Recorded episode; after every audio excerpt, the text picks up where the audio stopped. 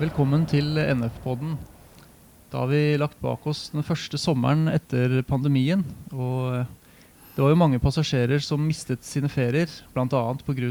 en stor pilotstreik i SAS, Simen. Ja, og midt i begivenhetene så sto Ole Knutsen i Norske SAS-flygeres forening. Under streiken så var han nestleder, og nå er han inne som midlertidig leder. Og du er med oss her i dag. Velkommen. Tusen takk for det. Takk for at jeg får komme. Ja. Du, Hvor eh, fornøyd eh, er du med den avtalen som eh, kom ut etter disse forhandlingene? Ja, det er en avtale som uh, har to sider. Det er med blanda følelser vi har tatt denne avtalen, selvfølgelig. Uh, det er jo en avtale der man betaler veldig dyrt uh, med vilkår, lønn uh, osv. for å få den avtalen vi egentlig mente vi hadde rett til å ha hele tiden, altså vår NSF-avtale i SAS. Eh, den har vi jo nå fått på plass, at vi eh, har denne avtalen i Ling, Connect og SK. Og det er jo en stor ting for oss som vi er veldig fornøyd med. Og vi har også sikret at det er karriereveier mellom selskapene, en annen ting vi er fornøyd med. Og vi er spesielt fornøyd med at vi ikke solgte ut den norske, norske arbeidslivsmodellen. da. Men det, det er klart at det kost... Var det den viktigste seieren, vil du si? Eh, ja, sånn i stort så er det det for alle, tror jeg, i norsk arbeidsliv at det er den viktigste seieren. Eh, for oss lokalt så er det klart at eh, det har vi betalt ganske mye for å få til. Men eh, det er nok den viktigste seieren for alle piloter, arbeidstagere, kabinansatte og alle arbeidstakere i hele Norge som er organisert. Det tror jeg. Var det vanskelig å få det til? Eller så satt det veldig langt inne for SAS å gi slipp på, på datterselskapene og kontrollen der?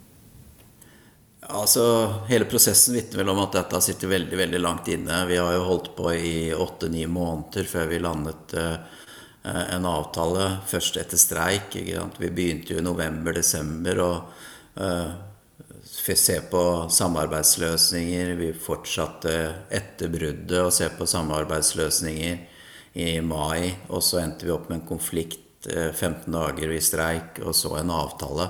Man kan vel ikke si at det satt langt inne. Det, det, tror jeg er ganske klart. Men hvorfor? Ja, det, det tror jeg egentlig ligger helt oppe i dagen. At her så man vel for seg at man skulle ha seks eksterne selskaper, for å si det sånn, da, i forhold til det tradisjonelle SAS. Tre i hvert land i Link og tre i hvert land i Connect, med fri innleie. Og man kunne ha fri intern konkurranse til evig tid. Eh, og så ville vel da kanskje SK etter hvert eh, dø ut. At det satt langt inne å gi fra seg en sånn mulighet som de hadde klart å skape selv, det, det tror jeg det ikke er noe tvil om, altså. Mm. Du nevnte jo i stad at det har, det har jo kosta den, den, seieren å vinne tilbake da, den skandinaviske modellen, hvis vi kan si det sånn. Så hva, hvor mye har det kosta? Hva er det dere har måttet ofre på veien? Ja, generelt, altså i arbeidsvilkår så har vi jo gått veldig langt mot FDL. Vi har fortsatt en fridagsallokering, altså man må forholde seg til visse regler i forhold til å legge fridager. Da. Man har ikke helt fritt der i forhold til FDL-en. Men ellers har vi nærmet oss FDL-en på 60 timer. Vi har tatt bort alle restriksjoner som gjør at man ikke kan utnytte det osv. Det har vi jo tatt bort. Gått opp til 190 på 28 dager og alt det der. Eh, samtidig så har vi jo gitt 5 i lønn fra 1.10 på SK. Det er jo en evigvarende prosess. Og vi har også stått stille siden 2020. Eh, det vil jo si at inflasjonen koster oss en 8-9% kanskje i den perioden. Kanskje mer. Eh, I tillegg så har man jo laget et segment som man har i dag på Link. Altså SAS Link er inne under våre avtaler med ytterligere 15% ned i vilkår på lønn. Og så har vi i tillegg laget en fleksibilitetsordning som gjør at man potensielt kan ytterligere kuttes 8% på årsbasis. Så det her er det klart at det er vesentlige endringer. Vi, vi mener vel at det er i sum minst 25% dårligere vilkår. Og det er jo noe man må slite med evig på mange måter. fordi når man går ned i lønn, så er det jo evigvarende. Det er jo noe man kanskje får frontfag eller noe lignende neste år så, så, tar jo ikke det igjen det du har gitt fra deg. Mm. Altså ser man jo tross av de her store altså, ofrene man har gjort, så ble jo avtalen ble jo det var et overveldende flertall som stemte ja. da, så Det vitner vel om at medlemmene også så, så verdien i, den, i de seirene. her. Ja, og det er helt klart at medlemmene ser jo at her er det et valg mellom eh, arbeidsplasser, karriereveier, og, og det å bli kanskje eh, radert ut i lengden, da. Eh, men samtidig så ser de også at eh, nå, nå kanskje vi får orden i rekken igjen. Eh, dette er det beste vi kunne oppnå. Vi kunne kanskje ikke forvente at hvis vi stemte det nei, gå tilbake til forhandlingsbordet og oppnå noe som var bedre. Selskapet er jo tross alt under konkursbeskyttelse. Og det gjør jo at denne situasjonen er ganske spesiell. Det er jo en spesiell forhandling og mekling vi har vært gjennom. Og et spesielt resultat og en spesiell fortsettelse hvis vi hadde stemt nei. Det tror jeg er veldig uoversiktlig for de fleste, og det tror jeg vitner om ansvarlighet fra medlemsmassen at de skjønner at dette har vært veldig, veldig vanskelig. Mm. Også eh, til å være en så spesiell situasjon, hvordan har forhandlingsklimaet vært? Ja eh, Hvor skal man begynne? Vi kan jo begynne liksom I november og desember så hadde vi jo en, egentlig gode samtaler om å finne en samarbeidsløsning. Og så er det klart at man må posisjonere seg og forberede seg på alle eventualiteter fremover. og det gjorde vi jo samtidig, og så endte vi opp i brudd i, i vanlige lønnsforhandlinger i mars. Og det, det da er jo da er jo ikke liksom tillitsforholdet veldig godt når man bryter en forhandling ganske kjapt. Og så prøvde vi allikevel en samarbeidsløsning, men under selve meklingen da, så syns jeg vi har hatt uh, veldig god ledelse fra meklingsinstituttet. Uh, norske og svenske meklerne er uhyre profesjonelle. Vi har vært under et komplisert meklingsinstitutt. Da. Altså alle tre lands uh, meklingsregler kommer i spill. Så det har vært komplisert. Men jeg syns generelt så har vi hatt en grei tone i, i det, disse forhandlingene. Det har vi. Men eh, det er jo ting som eh, kanskje man reagerer på, ja. Og så nevner du jo, eh, du nevner jo Nå er jo SAS inne i den chapter 11, også en konkursbeskyttelsesprosess, og er jo da avhengig av eh, pengebeholdninga nå framover. Kan man da si at var det, altså var det ansvarlig å påføre selskapet så store økonomiske tap som man tross alt gjorde? Ja, det spørsmålet tenker jeg at uh, egentlig ikke jeg er den rette til å svare på, da, selv om jeg sitter som leder i NSF. For vi mener jo bestemt at dette var en uh, unødvendig streik. Uh, det var en streik som Eh, noen andre bærer minst et like stort ansvar for som oss. Og dermed også har ansvaret for eh, det tapet i egenkapital da, og varemerke, goodwill osv. som er blitt påført gjennom en sånn streik. Vi er jo veldig tett på det som lå på bordet i desember. Eh, det er ikke noe tvil om at det er ganske tett på totalen. Og at man da velger å, å føre denne prosessen videre så langt, det, det, tenker jeg er eh, litt oppsiktsvekkende. Eh, jeg skal ikke si noe om hvorfor de velger den handlemåten, men vi følte oss strengt opp i et hjørne 4.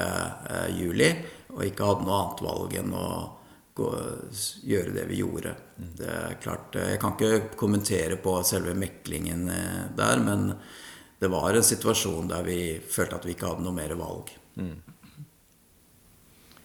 Og nå har vi jo snakket uh, veldig mye her i podkasten om SAS-streiken i sommer. Men hva tror du denne saken her egentlig betyr for alle som jobber i andre flyselskaper, uh, både her i Norge og også i Skandinavia og videre utover i Europa? Ja, altså I Norge og Skandinavia så kan man jo si at den skandinaviske modellen har vi jo kjempet for å beholde. Og, og, da blir jo det fortsatt en grunnstein i arbeidslivet vårt. Og det, jo, det vil jo være viktig for alle fremover, uansett om man jobber som pilot eller kabin ja. eller uh, hvor som helst. Så det, det er jo klart at det er viktig. Så tror jeg nok hver sak i Europa vil være egentlig på en måte frittstående. Den, uh, vi ser at det er utfordringer i andre selskap, store selskaper i Europa, som uh, også begynner å opprette parallellplattformer og utfordre avtaleverk osv. Og, og den tror jeg må tas i hvert enkelt tilfelle. Men det er klart at uh, vi lyktes ved å stå hardt i det, og riktignok betale for det, da. Men, men vi lyktes i hvert fall å statuere et eksempel, da. Mm. Det syns jeg. Nå står vi over utgangen av en sommer der det som nevnt tidligere har vært mye kaos. Det har, vært, liksom, har virkelig sett konsekvensene av mangel på bemanning, både i lufta og på, på, bakken. Kan man på en måte si, Så står vi ved et veiskille i, i, luftfarten. om det, Kan man si noe om det, om det her betyr noe for altså om det blir bedre eller dårligere kår for vilkårene i luftfarten nå framover? Ja, spørs hva man snakker om. Da snakker man om piloter, så det er klart at eh, vi ser vel at eh, trafikken tar seg opp såpass mye at det er kanskje mangel på kvalifisert folk. da. Mm. Og det tror jeg vi ser hos oss også i Link og Connect. Og nå har vi jo veldig mange kvalifiserte som går på gata, som vi håper å få inn. Eh, og det, det er jo en av de store seierne våre, det òg. Eh, og eh, sånn sett så vil nok vilkårene ikke kanskje bli så veldig mye dårligere framover, tror jeg, da, fordi på pilotsiden.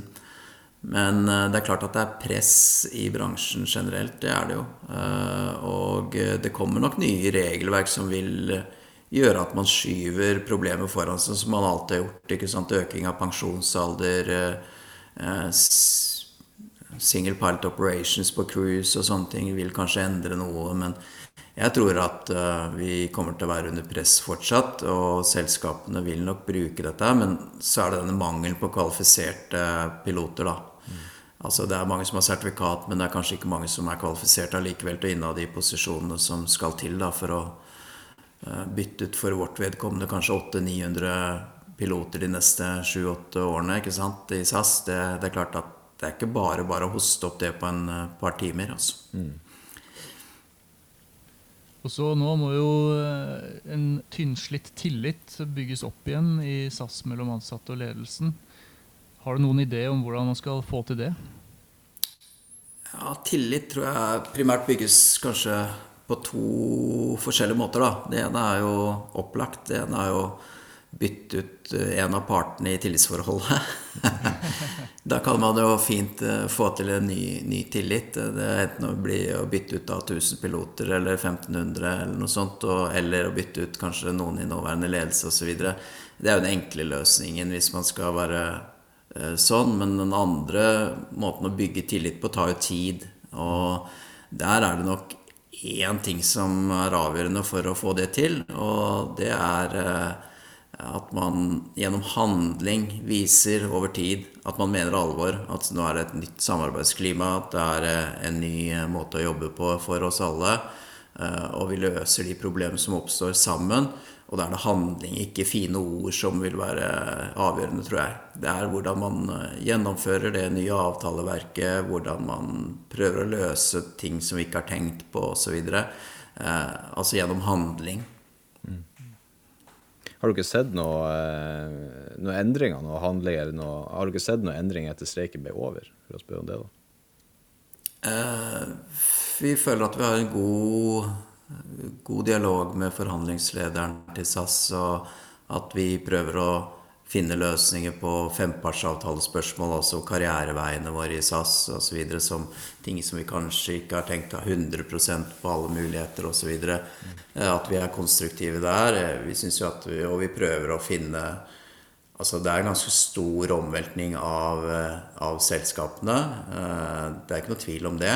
Vi skal prøve å få inn 450 piloter som fortsatt er på gata. Eh, på en ganske kjapp måte. Det krever en kabal for å finne riktige piloter på riktig sted i forhold til fempartsavtalen, altså karriereveiene våre og, og kapteinsutsjekker. Det er en veldig stor kabal. Jeg føler at vi er konstruktive der. Eh, så føler jeg vel at vi kanskje motarbeides litt på andre ting. Vi ønsker innflytelse gjennom eh, chapter 11-prosessen osv. Jeg føler ikke at det går så veldig på skinner egentlig å få oss inn der. Det, det, tenker jeg er eh, noe vi bør egentlig få til. Jeg tror at det er helt vesentlig at det ansatte, jeg tenker ikke på oss som piloter, men som ansatte, har innflytelse inn i konkursbeskyttelsesprosessen.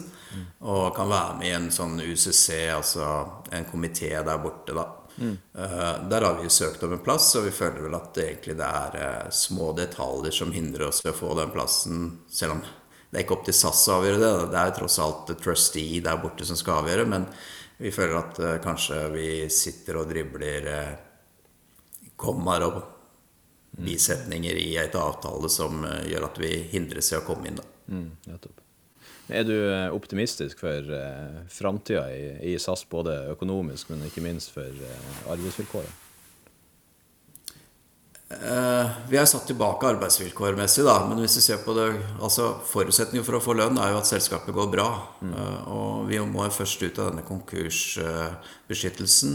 Jeg tror grunnlaget er der. altså Vi har en som nærmest har doktorgrad i chapter 11 som leder i SAS. Eh, det er jo noe han har vært gjennom før. Og jeg tror vi kommer gjennom denne prosessen der vi kanskje blir kvitt eller om gjøre om 20 milliarder av gjeld til en form for egenkapital. Eh, tilførsel av 9,5 milliard som det er flagget, osv. Og så er dette spareprogrammet som vi har vært en del av, da, eh, altså SAS Forward-programmet. Eh, der vi har gjort vår skjerv, mener vi. Og jeg tror at grunnlaget for et konkurransekraftig SAS, hvis de får til det, er til stede. Men så er det den store ballen. Jeg syns vi har altfor dårlig fokus på å vinne kunden. Eh, gå ut der også gi en meropplevelse som ikke koster noe. Det er bare de ansattes vilje til å stå på eh, ekstra for å gi en mer, mersalg og meropplevelse for kunden.